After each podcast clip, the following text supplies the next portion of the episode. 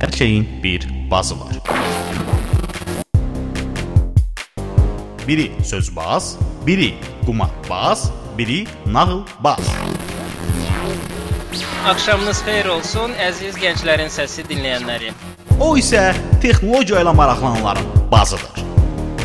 Beləliklə studiyada mən, Böyük Vahid, Hər həftənin cümə axşamı texnologiya ilə maraqlananlar üçün Vahid Qasımovun təqdimatında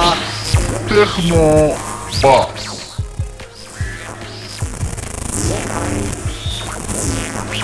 texnologiya ilə bağlı hər şey. Texnobazda.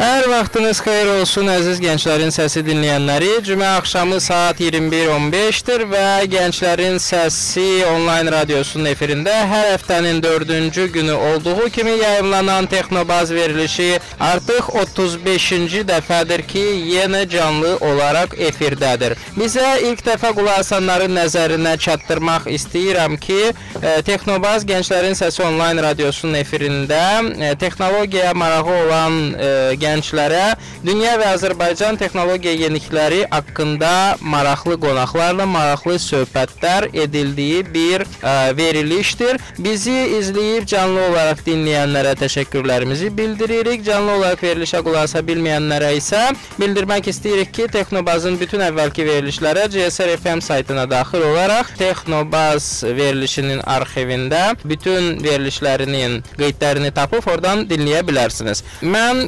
sizə bu isti yay günündə ə, bildirmək istəyirəm ki, həqiqətən də Azərbaycanda texnologiya ilə əlaqədar müəyyən bir həyat var. Ə, bütün il boyunca yatıb, ondan sonra qızmar günəş altında bir balaca hər halda buzu açılmış ə, İKT dünyası yavaş-yavaş fəaliyyət göstərməyə başlayıb və o qədər sürət alıb ki, keçən həftə ərzində Azərbaycanda demək olar ki, eyni günlərdə 3 dənə e, eyni anda İKT verilişi baş verib. Bunlar kifayət qədər önəmli e, verilişlərdir. Hansı verilişlərdir? Bizim bugünkü söhbətimizə diqqətlə qulaq asandan sonra öyrənəcəksiniz. Bilənlər isə bu deməli tədbirlər haqqında daha maraqlı faktlar öyrənmiş olacaqlar. Onun üçün də biz studiya bu günləri həmin tədbirlərdə ən azından ikisində iştirak etmiş və hətta və hətta təşkilatçılığında əməyi keçən bir insanı dəvət eləmişik. Bizim bugünkü texnobazımız davamdadır. Zəhmət olmasa özünü təqdim elə ginən. Salam, çox sağ olun dəvət etdiyiniz üçün. Mən Ülvi Aslanov, həm Startov Azərbaycan Təşkilat Komitəsinin üzvüyəm. Həm də Həm də Məlumat Hesabları Mərkəzində veb qruplasının rəhbəri olaraq çalışıram. aha, Ə, digər bir tədbirlərdən birisi də ETOHUM Azərbaycan təşkilini birbaşa, yəni Azərbaycan nümayəndəliyini davam etdirirəm. Həm aha. ə, tədbiri onlarla bərabər, ETOHUM-la bərabər mən burada təşkilini elədim. Mhm. Lap yaxşı. Bu deməli hər şey nədən başladı? Əvvəlcə Web Development qrupunun başçılığındanmı yerdə qalanlara keçdin, yoxsa əvvəlcə startapın təşkilatçılığındanmı daha sonra? Əslində keçən ildən bəri ETOHUM Azərbaycanda olsun deyə mən ə, Burak müəllimlə bir görüşlərə başlamışdıq. Ondan sonra sen ə, fevral ayında Startup Turkey adlı bir tədbir olacaqdı Türkiyədə və Hı. bu tədbirdə Azərbaycanlıların da belə bir təcrübəsi olsun, belə bir tədbir olsun deyə Osman müəllimin Osman müəllimlə görüş təyin ol- eləmişdik ki, bir-bir Azərbaycanda gedək Startup Turkey-də çıxış eləyək, həm Startup Turkey-in təcrübəsini qazanaq. Həmin vaxt Azərbaycandan 3-4 nəfərlik bir qrupa ilə gedib orada həm çıxış olmuşdu, Azərbaycan paneli olmuşdu və bu paneldə Osman müəllimin çıxışı Barama İnkubasiya Mərkəzindən Tofiq olmuşdu Hı və -hı. həmçində Golden Pay CEO-su Fərid İsmailzadə idi. Azərbaycanın çıxışları Türkiyə üçün, Türkiyə bazarı üçün nə dərəcədə maraqlıdır? Hələ onlar bilməyən bir bazardır. Yəni Hı -hı. onlar üçün Azərbaycan bilinməyən bir ə, həm bazardır, həm də kiçik bazardır. Amma kiçik bazar boş olduğu halda böyük ola bilər və bunun üçün maraqlanırlar. Əslində ə, onların Azərbaycana dəvətini ə, nəyə görə özüm şəxsən istəyirəm? Həm bizim heç bir təcrübəmiz yoxdur. Digər xarici ölkələr bizdən çox uzaqda olduğuna görə və rahat tədbirlərin təşkilində və ya da gəliş-gedişdə treninqlərin olunmasında Türkiyə bizə yaxın olduğu üçün onlarla işləməyi bir balaca daha üstünlük. Məsafəyə görə yaxın yoxsa başqa şeyə görə Məsafə- yaxın deyirsən? Həm məsafə, həm dil uyğunluğu. Mhm. Çünki eyni anda e, Rus internet bazarından da e, faydalanan insanlar var. Həmçinin tədbirlərin birisi də Gürcüstanla e, bərabər olan tədbir idi ki, web konferans tədbiri idi. Orada çıxışçıların biri hissəsi Gürcü idi, Mhm. mən bilən. Sadəcə olaraq təcrübə olaraq e, yaxın olduqlarını düşündüyüm üçün həm dil olaraq, həm məsafə olaraq Türkiyənin internet bazarı Azərbaycanla müqayisədə necədir? Yəni ki, müəyyən bir yaxınlıq varmı inkişaf sahələrində, keçən dəfə- yoxsa biz keçən bu barədə danışanda hardasa bir 10 dəfə yük, yəni böyük bir bazardır. Yox, həcmini və inkişaf olunmuşluğunu mən demirəm. Məsəl üçün Türkiyənin internet bazarında hal-hazırda layihə nöqteyi nəzərdən populyar olan layihələr Azərbaycan üçün nə dərəcədə aktualdır? Yəni həmin layihələr Azərbaycanda açılsaydı, onlar bu dərəcədə populyar ola bilərdilərmi? Ə, Bunun üçün gələnlər ümumi o marağa görə gəlmişlər. Çünki öz sə- onların gələn bir 5 nəfər qonağımız var idi və bu qonaqların hamısı internet şirkətlərinin sahibləridir və onlar statistikaya baxanda Azərbaycanın çox böyük bir rəğbətinin olduğunu görürlər. Və ona görə həmin səhifələrinin ya bir ə, yerini və ya da həmin səhifəyə oxşar həmin işi görən bir layihə varsa, o layihəyə investisiya edib və ya da satın almağı belə düşünürdülər. Hətta Təəssüf ki, belə bir layihə yox idi ortada. Aha. Yəni ki, ə, bu nöqteyi nəzərdən deyə bilərik ki, startap az uğursuz bir layihədir. Startupaz xeyr, uğurlu, çox mənim fikrimcə çox uğurlu bir layihədir. Ə, ona görə ki, həm bazarın inkişafı üçün başqa heç bir layihə yox idi. Mhm. Və bu canlandırır. Canlandırma həmişə Nə dərəcədə canlandırıb, yəni ki, təşkilatçı olaraq, yəni necə fikirləşirsiniz? Uğursuz tərəfini düşündüyüm tərəf çünki biz seçdik, amma bu seçdiklərimizi hansı formada? Yəni son 3 bir neçə gündə bilindi ki, onların hədiyyə olaraq iPhone 5 hədiyyə olundu. Kimə? Finalçılar, 6 nəfər finalçımız var idi. Onların yarısına iPhone, yarısına da. Sony Xperia idi deyəsən. Belə bir, yəni bölgü sadəcə olaraq randomlu bir bölgü idi. Mhm. Ə, Hədiyyə bölgüsünü demək istəyirəm.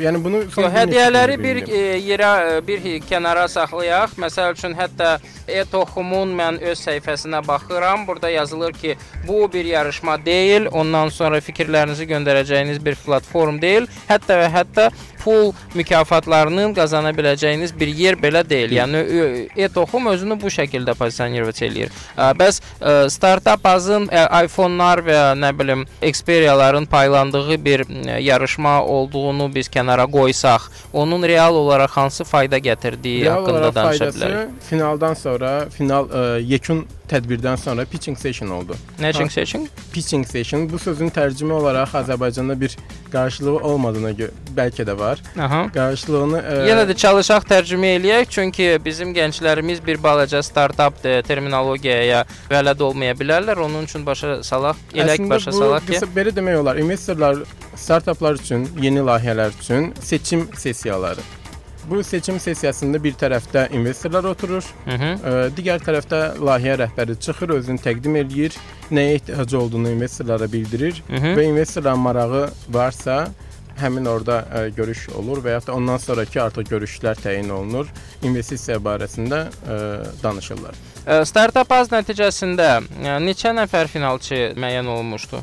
6 nəfər, 6 layihə. 6 layihə. Ə, Mən bu dəqiqə Startup Azın səhifəsinə baxıram, görürəm ki, burada yarım finalçılar ə, var, ə, finalçılar var, amma ki ə, finalçıların arasında qaliblər seçilibmi? Belə bir şey baş veribmi Xeyr, ümumiyyətlə? finalçılar arasında heç bir qalib seçilmədi. hı. Finalçıların hamısına şərait yaradıldı ki, bunlar investorlar qarşısında çıxış eləsinlər Mhm. və hətta onlardan bir neçəsindən investorlar tərəfindən maraq da var hal-hazırda. Yəqin ki, bəlkə də yaxın müddətdə bunlar iş e, Yəni həmin layihələrə investorlar tərəfindən olan marağın ə, startap aza hansısa dəxlisi varmı? Yəni ki, startap azın biz ə, sadəcə rol oynadıq burada. yox, yəni ki, belə deyək də Onlar həmin şeyi startapaza layihə olaraq bildirmək məcburiyyətindədirlərmi ki, bəs sizin tərəfinizdən müəyyənləşdirilmiş bu uğurlu layihə tutalım ki, daha sonra ə, filan şirkət Xeyr. təşkilat tərəfindən maliyyələşdirilir və artıq layihə formasına Bildirmə məcburiyyətləri yoxdur. Biz belə bir şərt qoymamışıq investorlar qarşısına. Amma biz sadəcə köməklik göstəririk ki, investorlar üçün bu layihələr var və bunları investor investorluq eləyə bilərsiniz. Hı -hı. Bundan əlavə olaraq bizim heç bir ticari və ya da biznes model olaraq ə, investorlarla, startaplarla bir bağlılığımız yoxdur. Hı -hı. Biz sadəcə olaraq ə, belə deyək, yönləndirmək üçün Bəs onda hansı məqsədlər qoyulmuşdu startap azın qabağında? Azərbaycanda yerli startapların inkişafı üçün və bu internet iqtisadi bazarının inkişafı investorların seçim sessiyası heç onların təcrübəsi belə yoxdur ki, bu investor seçim sessiyasında startapda nə istəyəcək, niyə orada oturub. Ümumiyyətlə Azərbaycanda investor varmı? Investor var, gizli investorlar var. Gizli. Bəli. Ha, onları aşkar edə bildimi startapaz? Yoxsa yəni etdi, yoxsa anons eləmir, yoxsa ümumiyyətlə Mən bu gizli investor deyəndə əslində startup bazı nəzərdə tutaraq yox, Hı hı. bütün bazarı nəzərdə tutaraq qeyd elədim. Startup bazı əslində biz gözləmədiyimiz şəkildə bir 15 yoxsa daha da çox investor qatılmışdı. Mhm. Ə, və özləri də deyirlər ki, bəyəndiyimiz startapa doğrudan öz büdcələrini göstərir. Yəni hansı ki biz bu hissədə yox, Osman müəllim də bu işin içərisində idi. Ə, Mən investorlarla görüşlərin heç birində yox idim. Yəni çox da dəqiq bilmirəm məsələləri. Mhm. Yəni hansı şərtlər qoyulmuşdu ki, siz investor otağına daxil ola bilərsiniz. Bəli. Çünki o otaq da əslində qapalı olmalıdır və ə, ancaq bir layihə rəhbəri və investorlar. Bəli. Çünki investor orada fikir, yəni ümumiyyətlə fikir oğurluğu məsələsi də çox önəmlidir bu Hı hı. sahədə. Gizli investorlardan danışaq. Gizli investorlar dediyim çöldə bizim bilmədiyim, bizim bilmədiyimiz də deməyək. Axır vaxtı hamı eşidir ki, internetdən pul qazanırlar, hamı pul qırır. Dünyadan eşidirdilər, Türkiyədən və ya da Rusiyadan, digər yerlərdən. Bir neçə yaxın tanışım var ki, deyir əlində bir neçə milyon pulu var. Nəsə eləmək istəyir, amma ə, nə sədərəkdə, nə binədə hər hansı bir bir mağaza açma fikri yoxdur. Mhm. Sadəcə internet şirkətinə başlamaq istəyir. Nə niyə? Bu sualı verən bir neçə nəfər şəxsən tanıyırıq. Mhm. Bu arada Azərbaycanın ən belə deyək də köhnə startapların biri olan Kataloq.net-də ki məlumata görə artıq Bakıda iftar vaxtıdır. Bizi canlı olaraq dinləyənlərə bunu elan edirik. E, yavaş-yavaş oruçlarınızı aça bilərsiniz. Biz isə söhbətimizə davam edirik. Deməli, həmin investorlar e, hansılar ki, həmin startapları dinləyirdilər, xüsusilə seçilirdi ki, məlumat oğurluğu və ideya oğurluğu baş verməsin. Bəli. Əslində e, startap baza öz layihələrini verənlərin arasında, təqdim edənlərin arasında belə bir suallar gəzirdi ki, bu məhfillik nə şəkildə həyata keçiriləcək? Yəni bu qarantiya necə verilə bilər müəyyən bir qarantiya? Siz bunu nə formada təmin etmisiniz? Bu əslində bir yazılı formada yox, bu centlmen sazişi deyək buna. Ə, Osman müəllim hər dəfə bunu belə qeyd eləyir. Biz ə, startaplarla görüşdə hamısını tək-tək e-maillə heç kimlə paylaşmasını imkan vermirdik. Bizə gələn daxil olan maillər biz sadəcə təşkilat komitəsi olaraq onları ekspertlərə yönəltməklə məşğul olduq. Yəni biz qiymətləndirmədə iştirak etməmişik. Və ekspertlər sadəcə o startap layihələrin biznes modelləri ilə tanış olan insanlar ekspertlərdir. Mhm. Biz şəxsən özümüz belə baxmamışıq. Biz sadəcə harda e, ekspert qrupası seçilən vaxtı, seçən vaxtı ə, final təqdimatında biz orada oturmuşduq. Modera yəni moderasiya eləmək üçün. Həmin vaxtda tanış olduq bir neçə startapla, yəni ondan əvvəl heç bir özümüzün də məlumatımız yox idi. Özümüz dedim, yəni mənim şəxsi məlumatım yox idi. Yəni ki, bunun davamında məsəl üçün startap az müəyyən bir izləmə aparacaqmı ki, tutalım ki, layihə olaraq ə, təqdim olunmuş şeylər daha sonra həyata keçirilibsə, o həqiqətən də həmin insanın ideyasının çərçivəsində həyata keçirilib, yoxsa başqa insanların tərəfindən Bəli, bunu düşünürük. Yəni bunu ə, əslində bu bu müzakirə forması ha hansı formada olacaq dəqiq bilmirik. İndi bu barədə də özümüz öyrənmə mərhələsindəyik.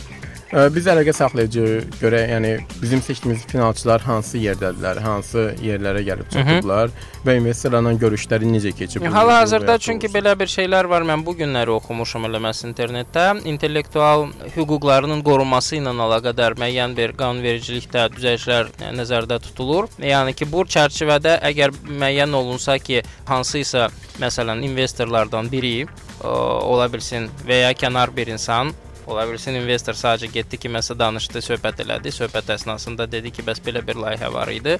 Həmin insan həmin ideyanı tutub tutalım ki, onu öz başına həyata keçirsə, ona qarşı hər hansı bir iddia qaldırıla bilərmi? Bu maraqlı bir fikirdir, amma yəni belə bir xarici təcrübə varmı bilmirəm. Mhm.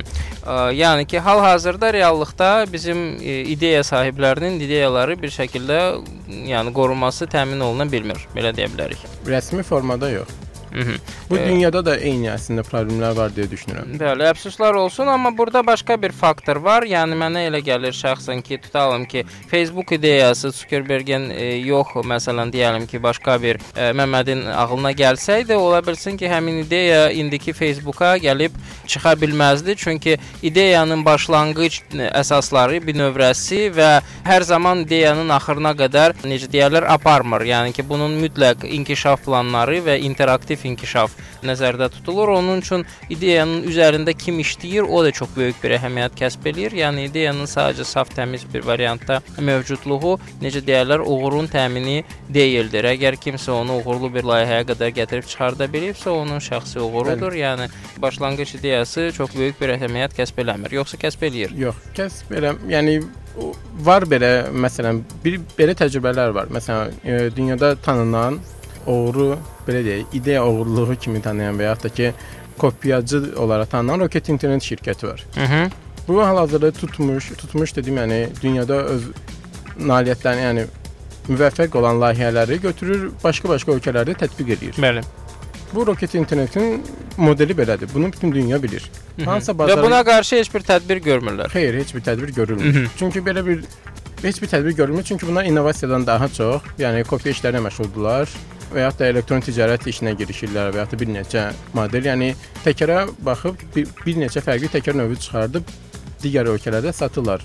Yəni Mhm. burada heç cür qabağına girsələr belə qarşısını almaq mümkün deyil. Yo, hətta belə bir şey var ki, hər kəs tərəfindən bilinir ki, rusların bu VKontakte layihəsi əslində Facebookun birə-bir kopyası idi Bəli. başlanğıcda, amma hal-hazırda baxırıq ki, Facebookun indiki vəziyyəti ilə VKontaktenin indiki vəziyyəti dağlar qədər arasında fərq var və hər birinin inkişaf modeli, yəni pa- paradigması da fərqli-fərqlidir. Ona görə binövrə etibarilə eyni layihə olmaq e, heç də o demək deyil ki, axırda necə deyirlər, eyni nəticələrə gətirib çıxardacaqdır. Çox- Hərçənd hər ikisi də kifayət qədər populyardır. Biri dünya üzrə, biri Rusiyada. Yəni deyə bilərik ki, VKontakte rusların ən populyar, nə bilim, Biri- saytların, yəni beşliyə girə bilir Bu daxildir. yerdə vision çox əhəmilidir deyə fikirləşirəm, gələcəyə baxış olaraq. Məsələn, Facebookun hal-hazırda dəyəri neçə milyard dollardır, Hı -hı. amma bu kontaktin dəyəri neçə milyon, yəni nə qədərdir? Bu Yəni, yerdə yenə artıq- də yəni nəzərdə tutsaq ki, bu rus dilli bir layihədir. Əslində bunun nə bilim ə, ümumdünya bazarına çıxma kimi bir iddiaları yox idi. Yəni bu nöqteyi nəzərdən deyə bilərik ki, yəni Rusiya kimi böyük və ya postsovet ölkələr çərçivəsində kifayət qədər uğurlu bir layihə hesab etmək mümkündür. Ə, Startapların üzərində ə, müəyyən qədər durduq. Mən istəyirəm ki, bir balaca biz et oxuma sürüşək, amma sürüşməmişdən qabaq gəlin bir gözəl, həzin bir mahnıya qulaq asaq, ondan sonra maraqlı söhbətimizə davam edərik.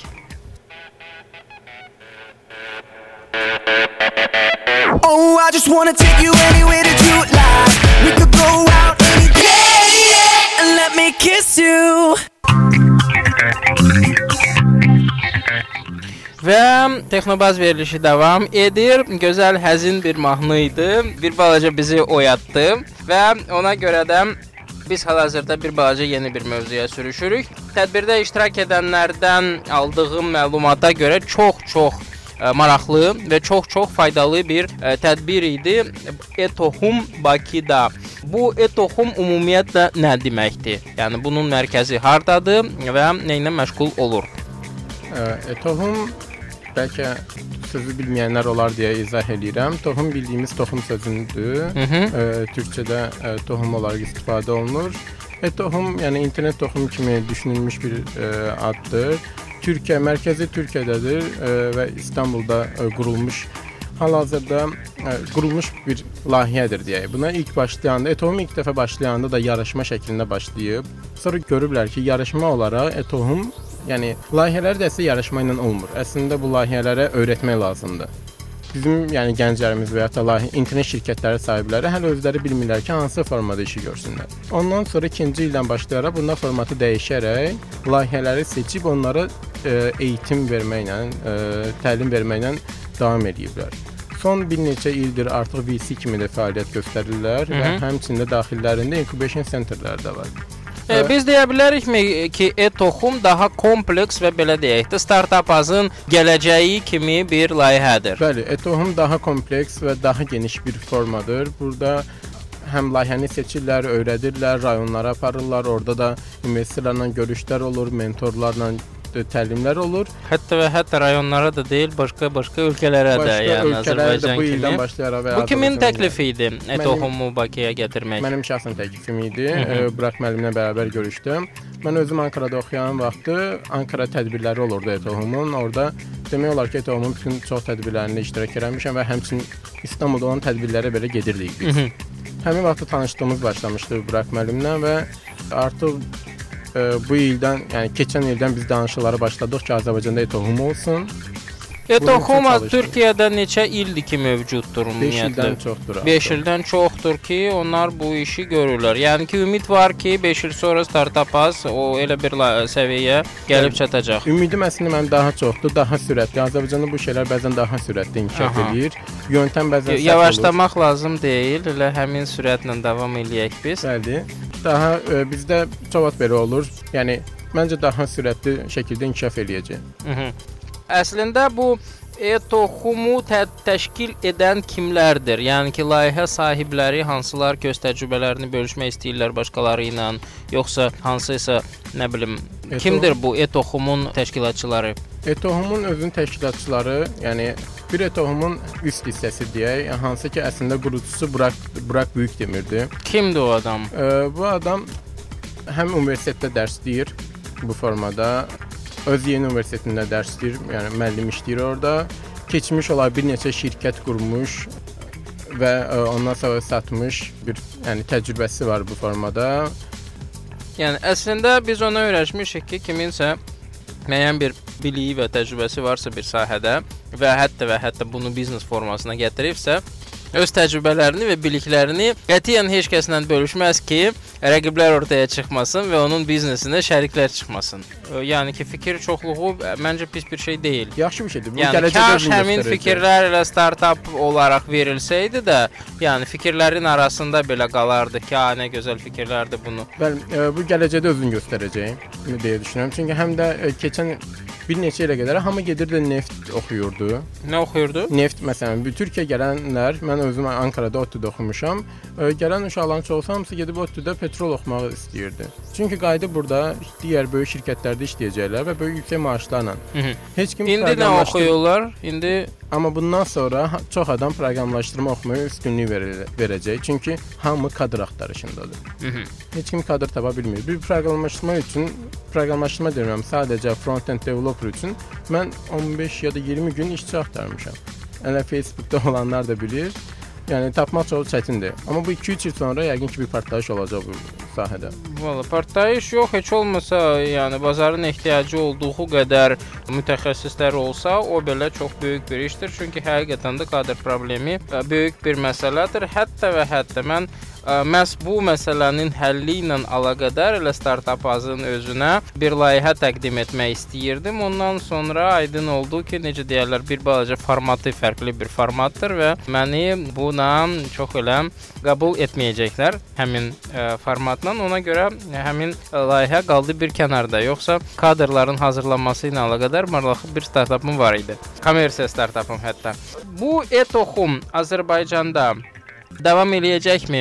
Bəli, e, düşünürəm Artıq bilmirəm, türklərin köməyi iləmi yoxsa Azərbaycanda ona oxşar və ya ola bilsin ki, o eyni, eyni adla müəyyən bir şey qurulsun. Düşünürük ki, qurulmadan daha çox bu dəqiqə eğitim, təlim çox əhəmilidir. eğitim şartdır təbii ki. Bəli, birinci növbədə eğitim şərtdir və ona görə də biz daha çox bunları üstünlüyü verərək bu tədbirlərin sayını artırmağa çalışacağıq. Ə, ya Azərbaycandakı ə, bu tədbirlər Azərbaycanda sayını artıraraq, həmçinin də Azərbaycanda olan layihələrə Türkiyədə bu Etohumun özünün biraz əvvəl izah elədiyim rayonlar, digər şəhərlərdə və ya da iç şəhərlərdə bunlardan bağlı kamplar olur.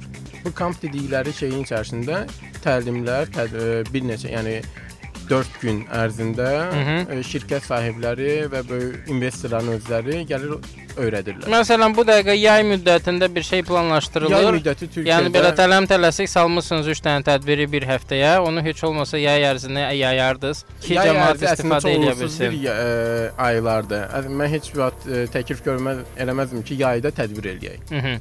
Çünki investorlar hamısı dincəlməkdə, həmçinin gənclər də dincəlməkdə. Əsasən bu tədbirlərin ikinci e, gənclərdən, layihələrdən kənar ikinci böyük hissəsi investorlardır. Mhm. İnvestor olmasa öz özümüzə yığışmaq kimi bir şey çıxır. Bəli. Yəni oturub bunu çayxanada da eləyə bilərik. Mhm. Çöldə bir başqa yerdə oturub, amma bunun elə bir tədbir formasını eləyib hamıya çatdırmaqda məqsədimiz həm o gəncləri investorla tanışdıq və bir-birlərinin əlaqələrin qurulması. Yəni bu tədbirlərin əslində digər tədbirdən daha çox digər böyük bir hissəsi networking dediyimiz hissədir. Mhm. Əlaqələrin qurulmasında. Yayda nəyə görə oldu? Çünki ya yayın əvvəlində olmalı idi, ya yayın axırında. E, Etohum olaraq biz yayın əvvəlini seçdik. O da elə oldu ki, startup azın da finalı həmin aya gəlib düşürdü, amma bundan sonrakı aylar daha çox düşünürük ki, tədbirləri oktyabrdan, sentyabrdan sonrakı aylar və ya da ki, ilin başlanğıc ayları daha yaxşı aylardır. Yəni bunun kimi şeylər, planlar varmı gələcəkdə ki, sentyabrda bizi bir neçə maraqlı tədbir gözləyir Sentyabr yenə də. e, tez Yəni mən şəxsən heç birində iştirak edə bilmədim. Onun üçün bu dəqiqə yana-yana qaldım.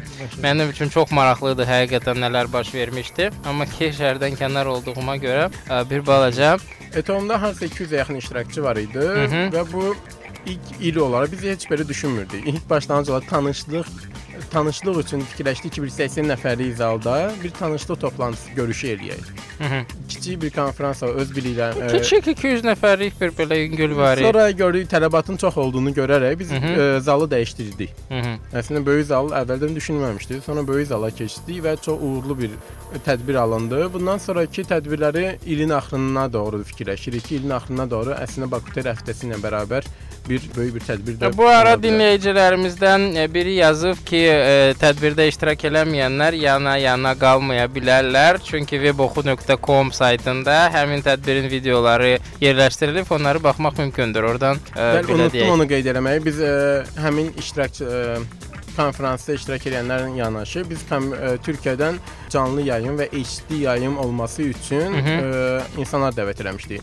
Bu həmin tədbirin zamanı HD yayım oldu canlı olaraq. Bir neçə portalda da bunlar yerləşdirildi. Bəli. Hal-hazırda siz ə, ə, biraz əvvəl qeyd elədikləri kimi siz ə, baxa bilərsiniz. Yəni canlı olaraq yox artıq. Mhm. Ə, videolara oradan baxa bilərsiniz. Okay, bu çox gözəl bir xəbərdir. Əslində, yəni ki, məlumat oradan əldə etmək mümkündür. Əlbəttə ki, daha yaxşı olardı ki, demək, e, həmin tədbirlərin iştirakçıları ilə canlı ünsiyyətə girmə imkanı olsaydı, orada interaktiv suallar vermə imkanı olsaydı və s. yəni ki, mən əslində o hissəni nəzərdə tuturam Ona ki, görə networking əlaqələr qurulması çox əhəmilidir. Bəli, amma mənə elə gəlir ki, bu networking məsələsi elə əslində ən uğurlu şəkildə məhz çayxanalarda baş verməlidir. Çünki tədbirlərin həm vaxtı məhduddur, həm insanların sayı çoxdur və ola bilsin ki, mühit çox uyğun olmaya bilər belə uzun söhbətlər üçün, maraqlı fikirləri, buyurmuşuz. paylaması üçün. İlkin mərhələdə amma biz tanış eləməliyik bu insanları.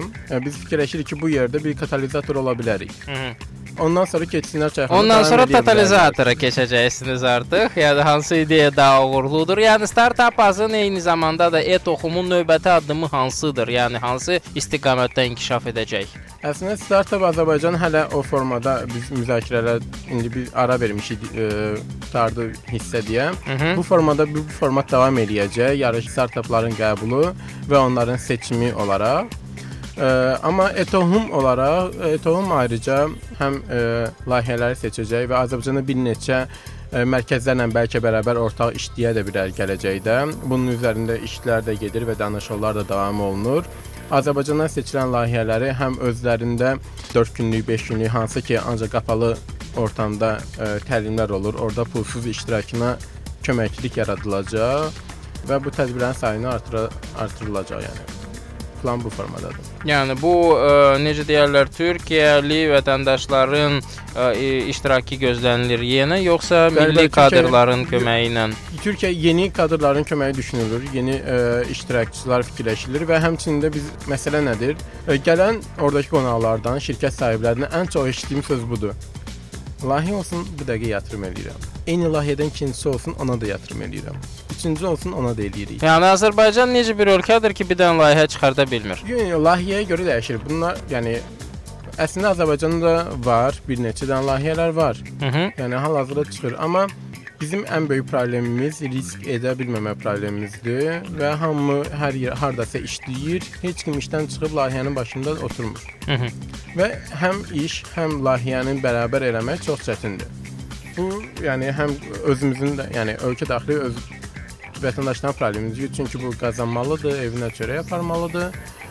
Belə bir Ona görə də ən rahat üsul odur ki, adam tələbə ikən bir layihə başlatmalıdır ki, onun ümumiyyətlə heç bir işi yoxdur, vaxtı boldur və həmin vaxtını öz layihəyə ayıra bilər. Ondan sonra görsə ki, layihə tutur, ümumiyyətlə oxumağa da ehtiyac yoxdur. İndi Bill Gates, ondan sonra Zuckerberg və digər girər kimi Bizdəki problemlə belə bir problemlə də qarşılaşdım ki, tələbələr belə ə, layihə rəhbəri kimi özlərini görürlər. Hı -hı. Bakı ola bilər, bəli, layihə rəhbəridirlər, özləri də yazmalıdırlar. Yəni özləri yazsalar daha yaxşı olar, birinci olaraq. yazsalar deyəndə yəni öz layihələrini. Yəni Yəni proqramçı kimi. Ya proqramını, ya dizaynını, Hı -hı. fərqi yoxdur, özləri başlasınlar işə. Bəli. Mütləq onlara dəstək tapılacaq kənardan. Hı -hı. İşi görməyən, ancaq fikri evdə işi fikirləşib gələn adam komanda yığmağa çox çətindir. Yəni əslində yəni ki, adam özünü layihə rəhbəri olaraq görürsə, komandasını əmələ gətirə bilməli idi. Yəni ki, öz proqramçısını, öz dizaynerini tapma qabiliyyətinə sahib olan bir insan olmalıdır.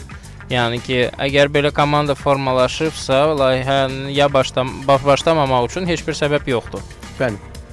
Başlasınlar. Ona görə prinsipcə belə bir balaca baxdım. Əslində startap azda ən uğurlu ə, hesab olunan startap Netrend startapı idi, hansı ki artıq hazır bir layihədir. Yarım ildən artıqdır ki, fəaliyyət göstərirlər və ona baxmayaraq özlərini startap kimi necə deyirlər veriblər və belə deyək də ə, finala qədər asan bir şəkildə Mən çünki onları nəyə görə startap olaraq hələ də davam ə, qəbul edirəm. Çünki heç kim doyuma ulaşmayıb, ə, çatmayıblar. Hələ Hı ə, doymuş layihə deyə biləcəyimiz layihələr yoxdur, internet şirkətləri də yoxdur.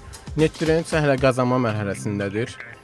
Qazanacaq və ümid edirik ki, daha yaxşı yerlərə gələr. Demək istədiyim odur ki, onun uğurunun məqsədi, e, daha doğrusu səbəbi ondan ibarətdir ki, bu artıq necə deyirlər, reallaşmış reallaşmış və olduqca görülən müəyyən bir nəticələr olan bir layihədir. Yəni ki, onun sadəcə artıq inkişafı üçün müəyyən bir investisiyaya bəlkə tələb olunur və ya marketinqi üçün Bəli, müəyyən bu, investisiya ə, tələb insanı olunur. ə, şəxsən tanıdığım üçün layihə rəhbərlərini, insanlar onlar başlarkən də özləri oturub yazıblar hı. işdən sonrakı müddətlərdə və hal-hazırda Müəyyən investisiya edilib də ola bilsin ki.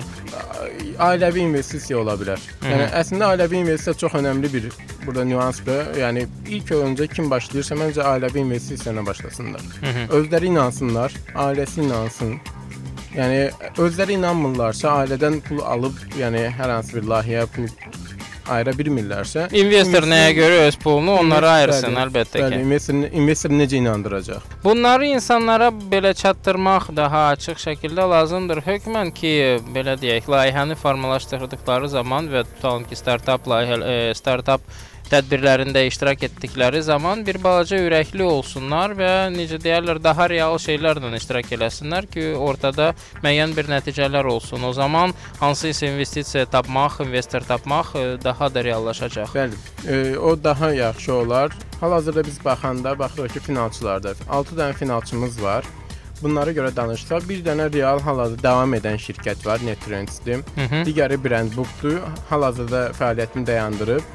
Amma bu e, insanlar da vaxtilə Azərbaycanda fəaliyyət göstərib. Hı -hı. Keçən dəfə söhbət bəlkə də gizli rəqəm ola bilər, qeyd etmək istəmirəm. Bir xeyli e, qazanıblar.